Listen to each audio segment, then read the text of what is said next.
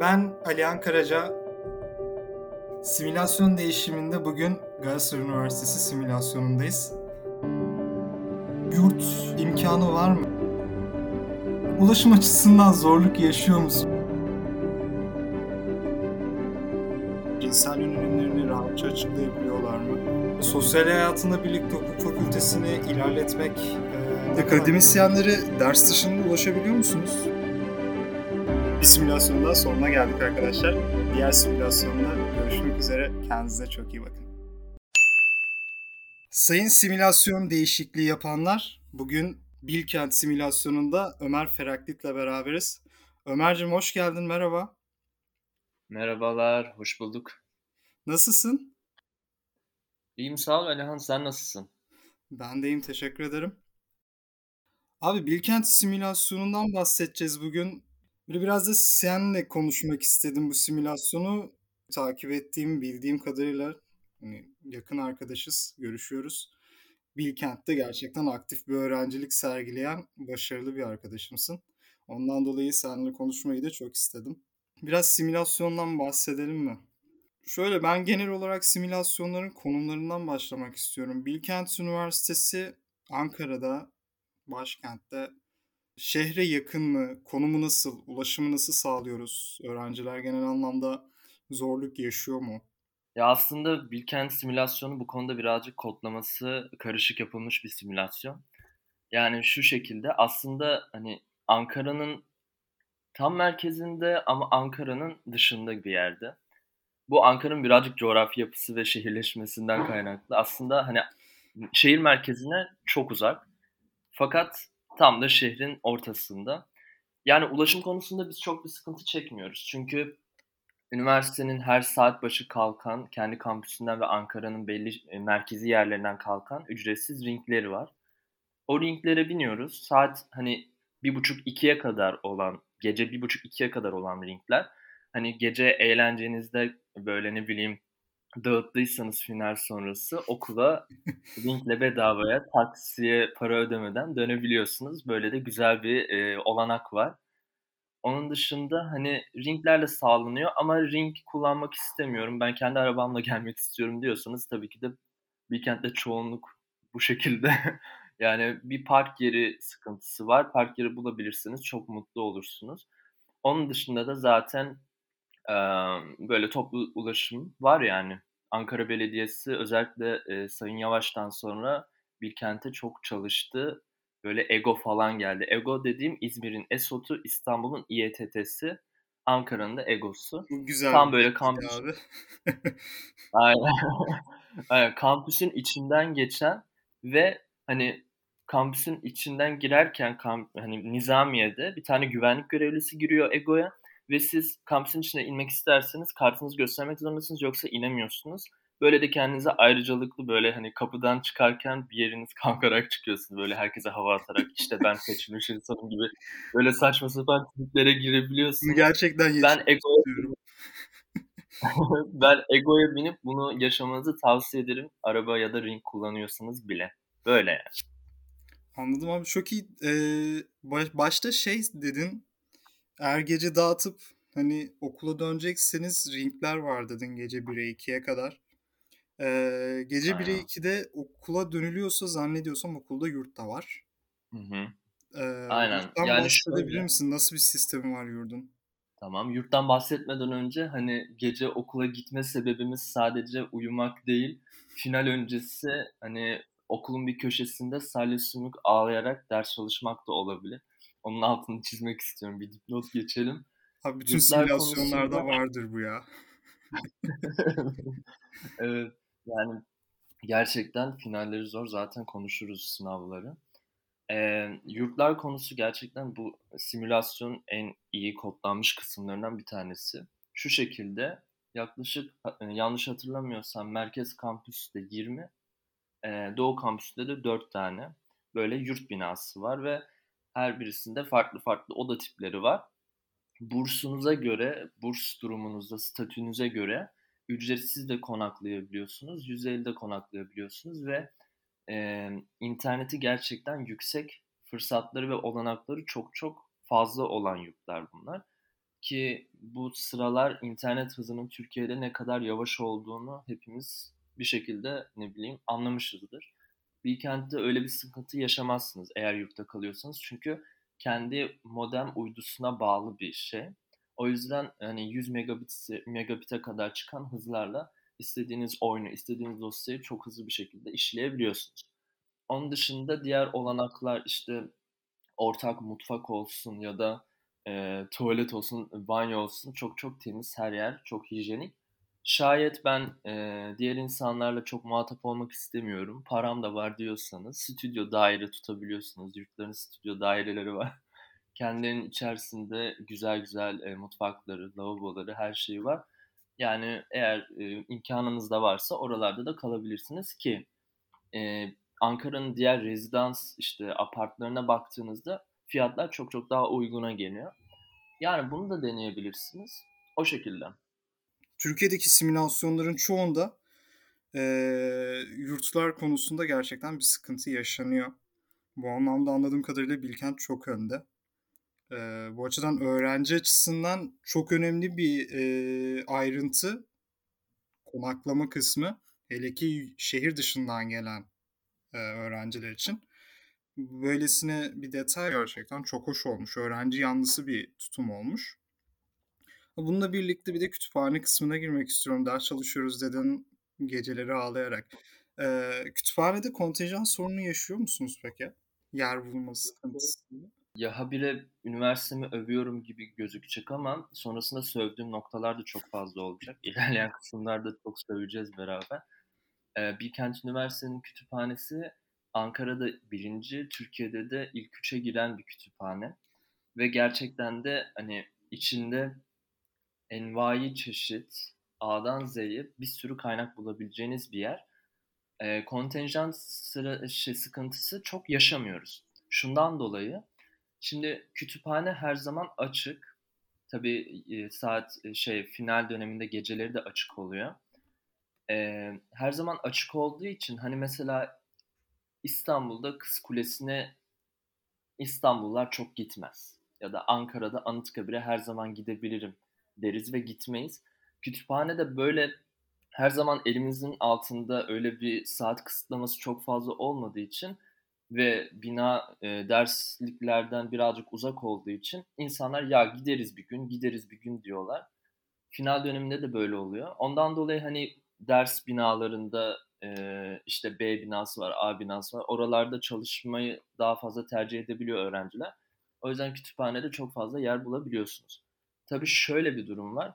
Biz hukukçuların finali öncesi, final dönemi ve midterm vize dönemi öncesi bu kontenjan sıkıntısı birazcık yaşanıyor. Çünkü bütün hukukçular oraya abanıyor. Artık dönem gruplarında işi biten çıksın kasıyor tarzında böyle e, bel altı espriler vesaire kütüphaneden çıksanız mı artık diye. Her yerde insan hukukçu görüyor. Diğer bölümdeki insanlar da bundan çok müzdarip tabii. Ama onun dışında diğer bölümlerin final ve vize dönemlerine denk geldiyseniz çok fazla sıkıntı yaşamıyorsunuz. Ve kütüphanenin içerisinde kafeler var vesaire çok hani dışarı çıkmadan orada yaşayan arkadaşlarımı biliyorum ya. O yüzden yastığıyla falan giden arkadaşlarım biliyorum. O yüzden bayağı... Kendi geçimini kütüphanede sağlıyor. Kesinlikle, kesinlikle yani hani su da bedava olsa herhalde orada yaşayacak ve ölecek arkadaş 4 yıl boyunca. Ama su kütüphanede pahalı. O yüzden herhalde bir dışarı çıkıp içeri giriyordur diye düşünüyorum. Abi peki su gibi bir ihtiyacı olsun veya farklı durumlar olabilir. İşte sigaraya çıkan arkadaşlarımız var. Sigara almak isteyebilir. Markete gitmek isteyebilir. Okulun içerisinde, kampüs içerisinde bu gibi imkanlar var mı yok okulun kampüsün dışında ama kampüse yakın işte kampüsün sınırlarının karşısında diyebiliriz. Ee, bu gibi imkanlar var mı? Market olabilir, işte büfe olabilir, yemek yerleri olabilir. Hı hı. Ya sana şöyle söyleyeyim. Ee, hani Bilkent bazı stereotipleri vardır. İşte Starbucks gibi. Bizim kampüsümüzde arkadaşlar 3 tane Starbucks var.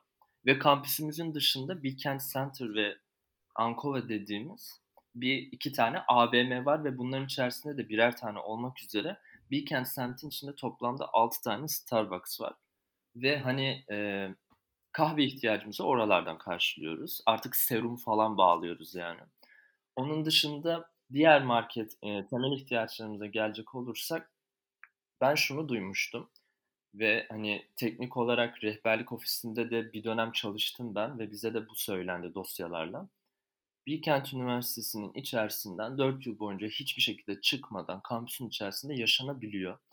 Ve şöyle bir detay da vereyim, ne kadar gerekli bilmiyorum ama Bilkent Üniversitesi dünya yok olsa, Ankara, hani, böyle bir meteor çarpsa ve Bilkent'e bir şekilde ulaşmasa 3 ay boyunca elektrik ve suyu kendisi karşılayacak şekilde dizayn edilmiş. Onun dışında kafeler var. İşte ODTÜ'den çok kıskandığımız, eee, Çatı Kafe bu sene geçen sene Bilkent'te de açıldı. Daha ucuz nispeten. Hani kafeler var, eee, nasıl desem, restoranlar var. Ama hani, eee, Bilkent'in içerisindeki kafe ve restoranlardan yemek yemek birazcık tuzlu olabiliyor. O yüzden hani Bilkent lirası, bu sıralar Bodrum lirası, Çeşme lirası gibi şeyler dolanıyor ya.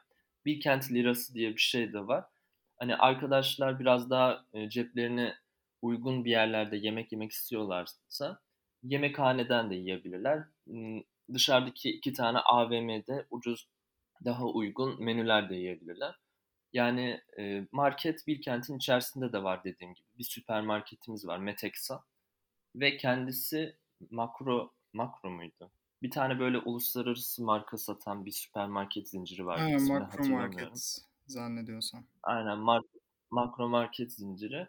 O zincir gibi uluslararası işte bir sürü şey satan, daha pahalıya satan bir tane süpermarketimiz var. Oradan da alışveriş yapabilirler. Onun dışında o şekilde yani arkadaşlar gelirlerse bu simülasyonda aç kalmazlar diye düşünüyorum. Çok iyi abi. Peki hastane var mı yakında? Var. Bir kere Bilkent Şehir Hastanesi var ama oraya asla gitmiyoruz. Çünkü gitmemize gerek yok. Bilkent'in içerisinde iki tane sağlık merkezi var. Merkez kampüste ve Doğu kampüste olmak üzere. Yani o sağlık merkezinde göz randevunuzdan tutun diş temizletmeye kadar ya da işte bir yeriniz mi acıyor gidin ya da ne bileyim kolunuz mu kırıldı gidin yaptırın. Böyle bildiğiniz ücretsiz bir şekilde e, orada sağlık hizmetlerine ulaşabiliyorsunuz. Şöyle bir güzellik de var. Bilkent'in hemen sağlık merkezinin yanında bir eczanesi var ve o eczanede sağlık merkezinden yazılan reçetelerle gittiğiniz zaman %80'ini ilaçların Bilkent ödüyor. Siz sadece %20'sini ödüyorsunuz. Yani 10 liralık bir ilaç aldığınızda siz sadece 2 lira ödüyorsunuz. 8 lirasını okul karşılıyor. Böyle bir olanak da var. Abi imkanları gerçekten fazla bir simülasyondan bahsediyoruz şu anda. Hayranlıkla dinliyorum. Hani ne, ne zaman kötülemeye başlayacaksın merak ediyorum. Umarım bir yerde kötülersin çünkü e, buhran yaşayacağım birazdan kendi içimde. Peki abi simülasyon gayet güzel gidiyor. Çok iyi yazılmış. Hukuk fakültesinde sınıflar kaç kişi? Hoca ile iletişime geçebileceğiniz düzeyde mi? Ya evet aslında hani insanın hukuk fakültesi deyince aklına işte kalabalık gelir. Yani ne bileyim Ankara Üniversitesi'nde kocaman amfiler var. Ya da ne e, işte ne bileyim Gazi Üniversitesi'nde şu an adı Hacı Bayram Veli biz Hıcır diyoruz. Orada mesela böyle koca amfiler var ve insanlar böyle yüzlerce kişilik sınıflara giriyor. Biz mesela en fazla anayasa dersinde e, kontenjanımız artıyor. O da e, yaklaşık 90 kişi falan ve e, en fazla dersimiz 90 kişi oluyor ve hocayla aslına bakarsanız çok da e, böyle iletişimsizlik olmuyor. Ders sonrası hocayı taciz eden birçok arkadaşım biliyorum. Derste sorması gereken soruları hocaya kendisini göstermek için teneffüste hocanın da sigarasını çalan çok fazla arkadaşım var. Ama hani bunlardan bir tanesi de benim. Ben de arada yapıyorum. Yani hocayla iletişim konusunda şey değil. Ortalama hani 35-40 kişi diyebilirim dersliklerde. Öyle bir sıkıntı yaşamıyoruz. Sınıf büyüklükleri yetiyor anladığım kadarıyla. Yetiyor. Ya bazı dersler var diğer bölümlerle ortak aldığımız. O, o dersler birazcık sıkış tepiş olabiliyor ama onun dışında hiçbir sıkıntı yok yani. Abi hala çok iyi yazılmış bir simülasyona devam evet, ediyoruz. Abi peki akademisyenlere ders dışında ulaşabiliyor musunuz? Ya mail attığınızda dönüyorlar mı en azından? Evet. Ya, o konuda, hani, bu konuda da öveceğim, kusura bakmayın. Ben, hani, sövmeye geldim aslında buraya ama, eee, konular ilk önce övmeye odaklı olduğu için övüyorum şu an. Kendime de şaşar kaldım yani. Eee, akademisyen hocalarımıza çok rahat ulaşıyoruz gerçekten. Eee, hocalarımızdan geçtim. Rektörü rektör diyorum, yani rektör bir yana koyalım, onu çok şey yapmam ama dekanımıza çok rahat ulaşıyoruz. Yani maili saat 24.00'da atar atıp sabah hemen dönüş alabilirsiniz. Ya da ne bileyim akşam yemeğinde aklınıza bir soru takıldı. Hocanıza hemen mail atıp bir şekilde ona ulaşabilirsiniz. Bu online dönemde yüz yüze olmadığı için insanlar odalarına gidip hocaların konuşamadıkları için çok fazla mail alıyor hocalar.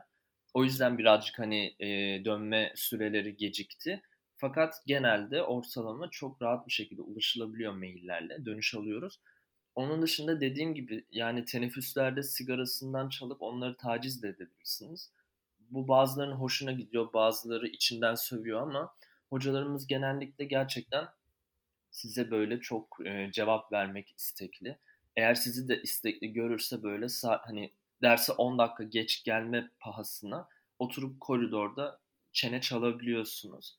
O konuda iyiyiz diyebilirim. O şekilde yani. Akademisyenlerimiz de öğrencilerle iletişimi aksatmıyor. Bu birçok üniversitede, birçok simülasyonda eksik bir nokta. Daha çok devlet okullarında eksik olan bir nokta. Ben de biraz kendi üniversitemden biliyorum. Peki abi akademisyenlerde e, şimdi bazı okullarda profesörler dersi veren olarak gözüküyor sistemde ancak genelde asistanları geliyor. Bilkent'te bu nasıl? Yani siz sene başında dersi seçerken karşısında gördüğünüz e, dersi veren profesörün adı veya akademisyenin adı gerçekten sene içerisinde de sizin karşınıza çıkıyor mu? Yani evet, hani ortalama karşımıza çıkıyor aslında. Ama e, ya şöyle söyleyeyim, çok yaşlı hocalarımız var bizim ve e, özellikle bu online dönemde bunu daha fazla hissettik. Onlar ders vermek için yaşıyorlar. Çünkü bir tane hocamız e, bu online dönemde hastaneden bize ders verdi. Bu beni çok etkilemişti. Çünkü asistanına devredip bir şekilde asistanı da o dersi çok daha iyi verebilirdi. Ama o aldı bilgisayarını ve yatağında, hastane yatağında bize ders verdi. Ki bu normal dönemde çok yaşlı olmalarına rağmen böyle pinti pinti böyle çok tatlı bir şekilde derse yetişmeye çalışma telaşelerini çok görüyorsunuz. Ama ve lakin mesela hastalık durumlarında veyahut yurt dışına bir seminere gittiğinde ya da bir konferansa katıldığında gelemediklerinde size mail atılıyor. O mailde bir özür maili aslında bu. O maile binaen orada asistanın geleceğini ya da bir pratik yapılacaksa asistanın pratik yapacağını ondan öğreniyorsunuz. Ona göre derse geliyorsunuz gibi. Ama hani mesela bir tane hocamla sadece bu konuda birazcık sıkıntı yaşadım. Onu da çok sevmezdim zaten ismini vermiyorum. yani e, çok lakayt bir insandı kendisi. Fakat hani o da geliyordu ama çok da keşke asistanı gelseydi de o gelmeseydi dediğim çok oldu yani. O da bu işin farklı bir boyut. Buyur. Pratik dedin. Pratik ne oluyor abi? Pratik dersi. Pratik şey, e, vize ve final öncesi mesela hocalar kendi soru tiplerinde e, bir çalışma yapıyorlar. Mesela e, bize 2-3 gün öncesinden olay atılıyor. Pratik sorular atılıyor. Siz o olayı çözüp o derse geliyorsunuz ve aslında bütün dönem boyunca işlediğiniz, o zamana kadar işlediğiniz şeyleri tekrar edip sınava farklı bir şekilde hazırlanıyorsunuz. Asistan hocalarımız da onların cevaplarını bizimle paylaşıyor ve beraber tartışıyoruz. Yani pratik dediğimiz olay bu. O şekilde ve çok yani işe sene yarıyor içinde gerçekten. gördüğünüz hukuk bilgilerinin tamamını sınav öncesinde size nasıl kullanacağınızı gösteren bir yol anladığım kadarıyla. Aynen. O zamana kadar gördüğümüz hepsini aynı. Abi okulda peki ne tür topluluklar Evet. var? Hukuk fakültesinde ne tür topluluklar var? Öne çıkanlar neler? Nasıl öne çıktılar? Topluluk kurmak istersen kurabiliyor musun? Nasıl ilerliyor sistem?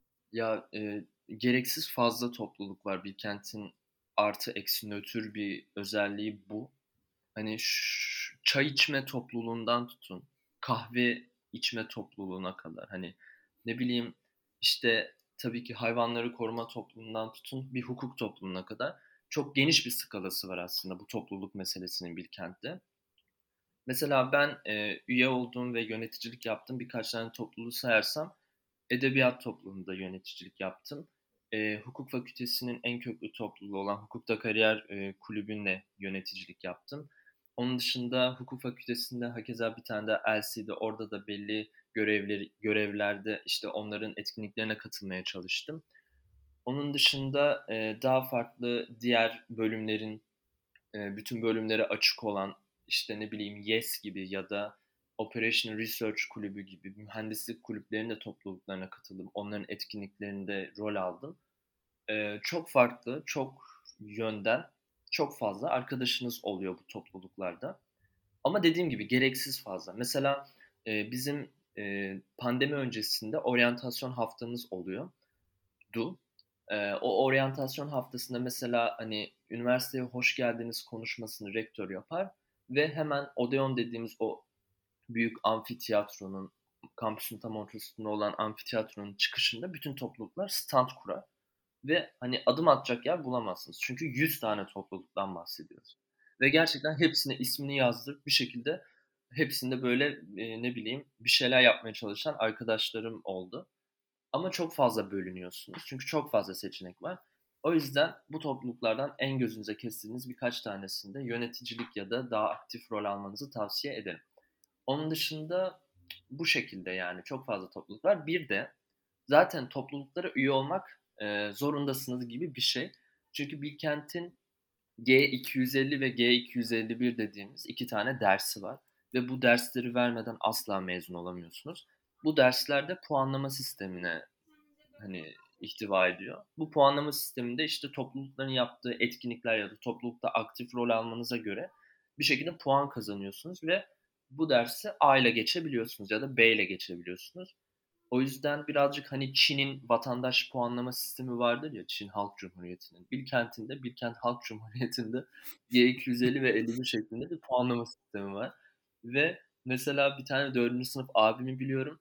G250'yi vermiş, G251'i vermemiş ve adam mezun olamıyordu yani. Bütün işte son sınıf zor konulara çalışırken aynı zamanda saçma sapan etkinliklere de katılıyordu. ismini yazdırıyordu falan. O yüzden o şekilde diyebilirim. Abi okuldaki etkinliklere katılmak açısından da farklı bir sistemi izlemişler.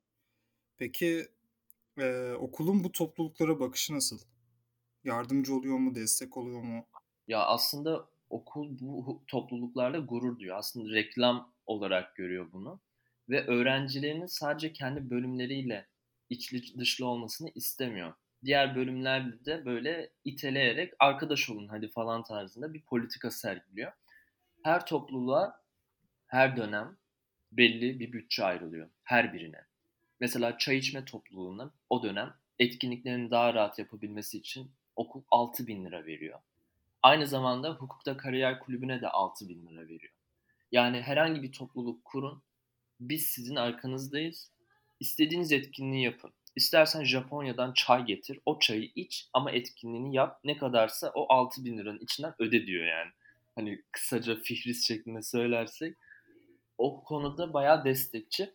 Fakat toplulukların yasal işleyişi çok, bürokrasi çok fazla. Mesela topluluk kurmak aşırı zor. Çünkü çok fazla bürokratik işlemler var. İşte 7 kişi bulman lazım. Kurucu üyeler, o kurucu üyelerin tüzük ya hazırlaması, bunun be- belli bir deadline'ı, işte e, ne bileyim onların hepsini yapmak vesaire çok uzun bir süreç. O yüzden hani topluluk kurma fikriniz varsa ve diğer topluluklarda da e, şey olmuyorsa, çakışmıyorsa etkinlikleriniz, konunuz topluluk kurmak biraz zor ama kurabiliyorsunuz. Üniversite tam gaz destekliyor sizi. Ee, burada topluluklarda peki siyaset oluyor mu? Açık konuşmak gerekirse bu konulara girmek istiyorum. Hem okulda hem topluluklarda eee, yani siyaset konuşulabilir ama özgürce insanlar, bireyler siyasi görüşlerini söyleyip bunun üzerine karşılıklı görüşlerde bulunabiliyorlar mı? Aynı zamanda işte eee, dezavantajlı gruplar var. Onlar kendilerini daha rahat hissedebiliyor mu okul içerisinde? İşte cinsel yönelimlerini rahatça açıklayabiliyorlar mı? Bu konuda bir açıklama yapabilir misin? Yani Bilkent Üniversitesi bu konuda hem üniversite olarak hem de öğrenci profili olaraktan nasıl karşılıyor? Yani e, şöyle söyleyeyim, Bilkent Üniversitesi beyaz Türk dediğimiz e, prototiplerin çok fazla olduğu bir üniversite. Bu bir öz eleştiri olursa. E, hani bu iyidir, kötüdür, bu tamamen size kalmış. E, siyasetle çok ilgilenmeyi sevmeyen, tamamen kendi hayatına odaklanan ve derslerimi geçeyim, hayatımı kurayım ve o şekilde ilerleyeyim diyen arkadaşlarım birazcık fazla. Ama ve lakin mesela bir siyasi ortam oluştuğunda, mesela bizim politik düşünce topluluğumuz var. Onlar İyi Partisi'nden tutun da işte AK Partisi'ne kadar bir sürü partiden insanlar getirtip konferanslar verdiriyor. Ve her birisine yüzlerce, yüzlerce diyeyim onlarca insan katılıyor ve dinliyorlar. En, en apolitik dediğimiz insan bile dinliyor ama ve lakin hani aktif bir şey yapmıyor. O tartışma konularına çok fazla girmek istemeyen arkadaşlarımız var bu Beyaz Türk prototipinde. Ee, siyaset o yüzden çok fazla Bilkent'in konusu değil. Mesela Ankara ikiye bölünmüş bir durumda bu konuda. Gazi ve Ankara Üniversitesi daha böyle sağa yakınken ODTÜ daha sola yakındır. Bilkent ve Hacettepe bunun tam ortasındadır. Bilkent daha da ortasındadır. Ne etliye ne sütliye ben kendim devam edeyim tarzındadır. Ama bu demek değil ki siyasi bir düşünceyi savunmak ya da siyasi bir ortamda tartışmak istiyorsanız ortam bulamayacaksınız. Asla bu değil. Ee, çok güzel etkinlikler oluyor. Dediğim gibi mesela e, bir A partisinden, bir B partisinden insanlar getirtip böyle bir forum tarzında soru cevap da yapılabiliyor. O yüzden o etkinlikleri aslında sizin siyasete olan, bu konulara olan ilginize göre takip edebiliyorsunuz. Ben bir hukukçu olarak mesela Politik Düşünce Kulübü'nün yaptığı çoğu etkinliğe katılmaya çalıştım. Çünkü daha farklı bir perspektiften, daha farklı insanlardan bir şeyler dinliyorsunuz. Ama o tartışmalara ben çok katılmadım. Aklımda sorular vardı vesaire ama çok sormak istemedim. Çünkü çok fazla hani ilgilenmek istemedim. Aslında ben de biraz Beyaz Türk prototipine yakınım bu konuda. Onun dışında mesela daha dezavantajlı işte cinsel tercihi olsun, daha farklı düşünceleri olsun bu tarzda olan öğrencilere bakış açısı aslında bir kentin nötr. Ama şöyle bir durum var. Başkentte yaşıyoruz. Başkentte bir okul ve valilikten hani izin almadan hiçbir şey yapılamıyor. O yüzden mesela LGBTİ Plus'la alakalı bir kulübümüz var. Renkli Düşünce Kulübü. Bu kulüp e, işte onur yürüyüşü, protestosu ya da onur duruşu yapmak istediğinde belli noktalarda kampüsün e, güvenlikler etrafı sarıyor. Ama bunlar engellemiyor. Sadece sarıyor. Valilikten siyah beyaz yakalı işte insanlar geliyor orada duruyorlar. Orada arkadaşlarımız slogan atabiliyor, işte kendilerini ifade edebiliyor vesaire izin verildiği takdirde. Çünkü geçen seneden önceki sene izin verilmişti. Ondan önceki sene izin verilmemişti. Ee, böyle kendilerini ifade ediyorlar. Ama mesela bir çimlere oturup işte LGBT ile alakalı böyle aktiviteler yapmak isteseler çok fazla izin alamıyorlar. Sadece böyle kendilerini ifade edebilecekleri bir ortam özgürlük veriliyor. Bunu kendileri kullanabildiği kadar kullan kullanıyorlar. O şekilde ilerliyor. Aslında bir kent birazcık nötr bu konuda onlara karşı. Özgürlükçü bir yaklaşım var. Ben biraz daha hukuk fakültesine yönelik de sormak istiyorum. Yani ders içerisinde e, açıkça görüşlerini paylaşabiliyor musun hocayla? Yani paylaşabiliyorum ama paylaşmıyorum cevabını çok alırsın Bilkentlere sorarsan. Yani hocalarımızın politik görüşlerini ben çok bilmiyorum. Ama bazı hocalarımız var. Dersi anlatırken söverek anlatıyorlar.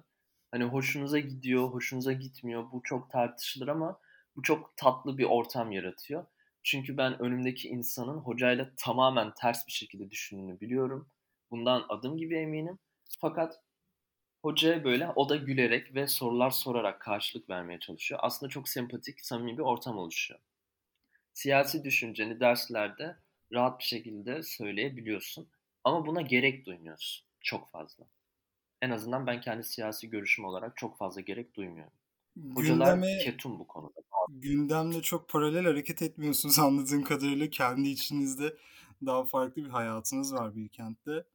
Şu anda, hani, staj bulabilir miyim endişesi yaşadığın oluyor mu? Veya, eee, mezun olduğumda sıkıntı yaşar mıyım, eee, endişesi yaşıyor musun? Bilkentliler bu konuda, eee, açıkçası diğer üniversite öğrencileri arasında Bilkentliler için onlar zaten bulur, onlar rahat şekilde bulur deniliyor. Eee, görüyoruz da Bilkent'ten mezun olan birçok hukukçunun camiada isminin duyulduğunu da biliyoruz, görüyoruz. LinkedIn'den ben Bilkent Üniversitesi'nin mezunlarına baktım listesine. İsmini bilmediğim yok ama Bilkent Üniversitesi'ni çok bilmiyorum. Bir şekilde üniversiteden mezun olanlar kendilerini duyurmuş oluyorlar. Çok iyi yerlere gelmiş oluyorlar. Ve bu noktada biraz da imreniyorum. Sen bir öğrenci olarak Bilkent Üniversitesi'nde, Bilkent Simülasyonu'nda bir öğrenci olarak ne düşünüyorsun? Ya şöyle, bu aslında bir, bir bakıma doğru, bir bakıma yanlış. Bu algının oluşması çok normal. Eee, yani ne bileyim Bilkent'in olanakları, yurt dışı ayakları vesaire çok geniş bir üniversite. Fakat şöyle bir durum var. Sen Bilkent'te kendini göstermeye, kendini gerçekleştirmeye çalışmazsan çok bir işine yaramıyor üniversite. Yani mesela ben bu konuda içim rahat. Çünkü e, birçok kulüpte görev aldım. Ve kulüplerde görev aldığınızda network'ünüz çok artıyor. Özellikle hukuk kulüplerinde görev aldığınızda yapılan etkinlikler, forumlar vesaire orada çok güzel e, bürolar, işte hakimler, çok başarılı savcılar vesaire geliyor. Onlarla yakın temasta bulunuyorsunuz ve network'ünüzü genişletiyorsunuz. Network konusunda Bilkent size olanak sağlıyor. Ama bu biraz öğrenciye kalmış bir şey. Yani bu işte İstanbul Üniversitesi Hukuk Fakültesi'nde de olur, Bilkent'te de olur, Çankaya Üniversitesi'nde de olur, Akdeniz Üniversitesi'nde de olur. Bu öğrenci kendisini ne derece network'e odaklı, özellikle avukat olmak istiyorsa, ne derece insanlarla tanışmaya, insanlara kendisini göstermeye, CV'sini göndermeye odaklıysa o derece aslında başarılı oluyor. O yüzden bir kentten çıktığımızda garanti bir mesleğimiz yok. Hiç kimsenin üniversiteden çıktıktan sonra garantisi olamaz. Ama işimizi kolaylaştıracak belli aletlerimiz var. Burada da en başında topluluklarda yaptığınız etkinlikler geliyor. Ve buna bunun sonucunda network geliyor. Yani benim bu konuda içim rahat ama tabii avukatlık dışında farklı meslekler düşünüyorsanız, mesela hakimlik veya savcılık düşünüyorsanız Bilkent çok size göre bir yer değil. Çünkü öğrencisini daha çok avukat odaklı, network e, skalasını daha çok avukatlık üzerine kurdurtan bir üniversite bu üniversite ya da akademisyenlik, akademide ilerlemek isteyen arkadaşlarımız için e, daha böyle şey yapan bir üniversite. O yüzden mesela hakim veya savcı olmak istiyorsanız Ankara Üniversitesi ya da ne bileyim Marmara Üniversitesi buraların network'ü daha farklı, daha böyle o yönel o, o taraflara yönelik. O yüzden oralarda daha şey olabilirsiniz. Mesela akademisyen prototipi de değişiyor bu konuda. Yani işte bizim sadece eski Yargıtay Başkanı var. Benim o camiada bir şey yapmak istiyorsanız tanıdığım bir akademisyen. Ceza hukukuna bakıyor. Oradan bir network elde edebilirsiniz hakim ve savcı olarak. Daha farklı diğer e, akademisyen hocalarımızla ya akademi iç, içerisinde ya da avukatlık üzerine network elde edebilirsiniz. O tamamen öğrenciye kalmış yani. Kimsenin garanti değil. Herkesin bir endişesi var. Benim o konuda biraz daha içim rahat. Abi peki yabancı dil konusunda e, hem akademisyenlik olsun hem avukatlık olsun artık yabancı dil gereklilik, zorunluluk. Okulda hazırlık dönemi nasıl geçiyor? Verimli mi? gerçekten meslek hayatınızda işe yarayabilecek şekilde bir eğitim alabiliyor musunuz? Ya şöyle, hazırlık çok zor Bilkent'in. Boğaziçi'nin birinci ise Bilkent'in hazırlığı ikinci sırada çok zorluk bakımından. O yüzden yabancı dile aslında çok fazla önem veriliyor. Ama hukuk bölümü özelinde konuşursam, mesela hukuki meslek İngilizcesi yok bize tamamen akademide kullanılan, e, pratikte çok kullanılmayan dil öğretiliyor aslında. Yani mesleki İngilizceye baktığımızda çok daha farklı terimlerle, farklı olaylarla karşılaştığımızda bir Bilkent Üniversitesi özel bir ilgisi yoksa, tamamen okulun verdiği derslerle mezun olduysa çok fazla onlara hakim olamayabiliyor. Ama onun dışında akademi düşünen insanlar varsa gerçekten hukuk fakültesinin %30 İngilizce, %70 Türkçe olmak üzere böyle bir orantısı var. Ee, o konuda bayağı yardımcı oluyor. Mesela uluslararası hukuk derslerini tamamen İngilizce alıyorsunuz gibi düşünün. Seçmeli derslerde işte e, uluslararası rekabet hukuku olsun, diğer da, alanlarda, dallarda olsun. Buradaki yabancı dilde çok çok işinize yarıyor. Ama dediğim gibi hukuk İngilizcesi, mesleki İngilizce, mesela Ankara Üniversitesi'nin böyle çok güzel programları var. Hacı Bayram Veli'yi bilmiyorum ama e, oralarda olan programlar Bilkent'te yok. Böyle bir eksiklik söyleyebilirim. O yüzden hani dil konusunda bayağı sert ama daha farklı yönden geliştiriyor sizi. Mesleki manada değil de akademik manada yetiştiriyor sizi dil yönünden. Ben şunu merak ediyorum. Kendi okulumda yaşadığım bir sıkıntı. Marmara Üniversitesi'nde bunun sıkıntısını çok yaşıyoruz. Okul gerektiği zaman açıklamaları yapıyor mu? Bilgilendiriyor mu sizi? Açık ve net bir şekilde. Yani yaptığı açıklamalar anlaşılabilir mi? Bu konuda okul yönetimiyle öğrenci arasındaki iletişim nasıl? Ya normal zamanlarda gayet iyiydi. Fakat şu online pandemi döneminde gerçekten çok fazla öğrenci odaklı çalışmadı Bilkent Üniversitesi. Zaten duymuşsunuzdur aynı olayını ya da telefonda selfie olayını vesaire. Bunlar hep bize dikte edildi. Bizim düşüncemiz çok sorulmadı. Yani mesela biz final sınavlarımızda, e, vize sınavlarımızda bu pandemi döneminde bir ayna aynı zamanda telefonla selfie gönderip elimizi hiçbir şekilde oynatamadan 3 saat boyunca masa üstünde hiçbir şekilde hareket etmeden sınavımızı çözsek, bitirsek bile dışarı çıkamadan beklemek zorunda kaldık. Bu konuda okul çok dikte davrandı. Onun dışında özellikle gene pandemi döneminde gerçek yüzünü görmüş olabiliriz okulun. Gerçekten de çok emrivaki, çok böyle düşüncesiz tavırlarla çok fazla açıklamalar oldu. Rektör tarafından işte daha farklı merciler tarafından. Yani öğrencisine çok güvenmeyen bir üniversite izlenimi verdi bize bu dönemde. Normal dönemde hiç bunu yaşamamıştık. Yani bize güvenmiyor okul. Şu anda ben bunu rahatlıkla söyleyebilirim. Hiçbir şekilde bize güvenmedi bütün pandemi dönemi boyunca. Hep daha zorlaştırdı. Her şeyi daha da zorlaştırdı. Ve açıklamaları da çok emrivaki yaptı. Çok son anlarda yaptı. O yüzden insanlar ne yapacaklarını şaşırdı. Mesela e, vaka sayıları 30 bin 40 binken biz online değil de yüz yüze sınava girdik. Kampüsün içerisine yüzlerce insan, yüzlerce, e, onlarca şehirden geldi ve vaka sayıları kampüste patladı. Her hafta bir vaka tablosu açıklanıyor Bilkent Üniversitesi kampüsü içerisinde. Normalde 20-25 seyreden vaka sayıları bir anda 150'ye çıktı. Patladı yani. Onlarca şehirden gelen yüzlerce öğrenci olunca bu normaldi. Ama bunu çok öngörmedi üniversite. Ve açıklamaları hep son anda yaptı. O yüzden normal dönemde fena olmayan açıklama işte bu öğrenci yönetim ilişkisi bu dönemde bayağı koptu. Şu anda o konuda çok memnun değiliz. Ya birçok üniversitede bu yaşandı zannediyorsam zaten Twitter aktif kullanan birisiyim. Twitter'da sürekli hashtagler e, havada uçuyordu üniversite öğrencilerinin mağduriyetine dair. Abi peki Bilkent Üniversitesi ile alakalı öğrenciler arasında, Bilkent Üniversitesi'nin öğrenciler arasında dönen söylentiler, söylemler, hikayeler var mı? Evet çok fazla. Gerçekten hani o kadar fazla var ki. Yani mesela e, bu çok klişe gelecek bazılarına ama e, bu çok eski dönemlerde fi tarihinde e, üniversitenin kafelerinin kapısında bir A4 kağıdı üzerine burslular ve köpekler giremez tarzında yazılar yazıldığına dair söylentiler çok fazla var. Ama bu doğru değil. Şundan dolayı mesela ben kapsamlı bursluyum.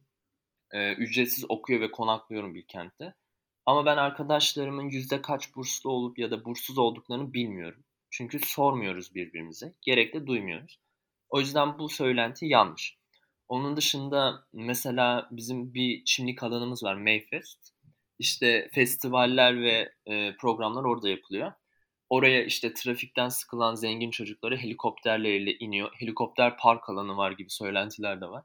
Buna inanarak gitmiştim ben Bilkent'e. Gerçekten de olabilir mi diye. Ama öyle bir şey de yok. Ee, üniversitenin üzerinden çok fazla helikopter geçtiği doğru. Ama hiçbirisi öğrencilerin değil, hepsi devlet er- erkanının. O yüzden bir şey diyemiyorum o konuda. Onun dışında mesela iki Ferrari çarpışması bu doğru olabilir. Çünkü bir tane Lamborghini görmüştüm. Bizim okulun işte kavisleri çok fazla var. Ve kendisi çok hız yaptı. Gözümüzün önünde gerçekleşti. Bu arkadaşlarımla izledik yani. Kendisi çok hız yaptı ve o kaviste takılı kaldı. O kaviste takılı kaldığı için arkasından gelen Mercedes araba duramadı ve Lamborghini'nin arkasına çarptı vesaire. Hani bu çarpışma olayı doğru olabilir çünkü ben hani şahit oldum. İki Ferrari çarpışmasa da bir Mercedes ve Lamborghini çarpıştı arkadaşlar. Yani hani öğrenci prototipi biraz daha e, avantajlı arkadaşlarımız olunca e, böyle hani söylentiler çok daha fazla olabiliyor fakat çoğusu yanlış. Bu şekilde söyleyebilirim. Buradan da üniversitede Bilkent simülasyonundaki arkadaşlara e, söylentiler içinde uyaralım. Gidecek olanları da uyaralım. E, her söylentiye inanmayın. Abi şu anda konu açısından senin aklında ya şundan bahsedebilirim diyebileceğim bir şey var mı? Yok abi her şeyi sordun yani. her konuya girdik abi. Abi o zaman sana veda edelim. Ee, daha önceki ve daha sonraki simülasyonlarda olduğu gibi Bilkent simülasyonunda da herkese başarılar diliyoruz. Tercih döneminde umarım YÖK sistemine geçtiğinizde hayatınızın en başarılı dönemini yaşarsınız. Feraklit'cim ben çok teşekkür ediyorum katıldığın için. Ben, ben çok teşekkür arkadaşları seçerken e, biraz daha aktif bir öğrenci olmasını istiyorum. Arkadaşlarımın o yöndeki arkadaşlarımı misafir etmeye çalışıyorum. Burada da Bilkent Üniversitesi'nde tanıdığım yine arkadaşlarım var. Senin öğrenci olarak aktifliğini biliyorum. Okulu çok iyi tanıyorsun, okulunu biliyorsun. Konuştuğumuzda her detayına kadar söyleyebiliyorsun. Hem de kendi öğrenciliğinde de dışarıda da aktif bir öğrencisin.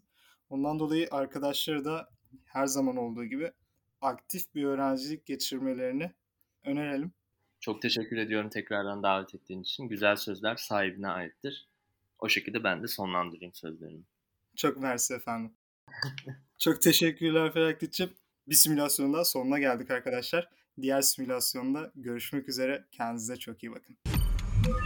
Simülasyon değişimi tamamlandı. Tüm verileriniz MEB dosyasından YÖK dosyasına aktarılmaktadır. Lütfen bekleyiniz.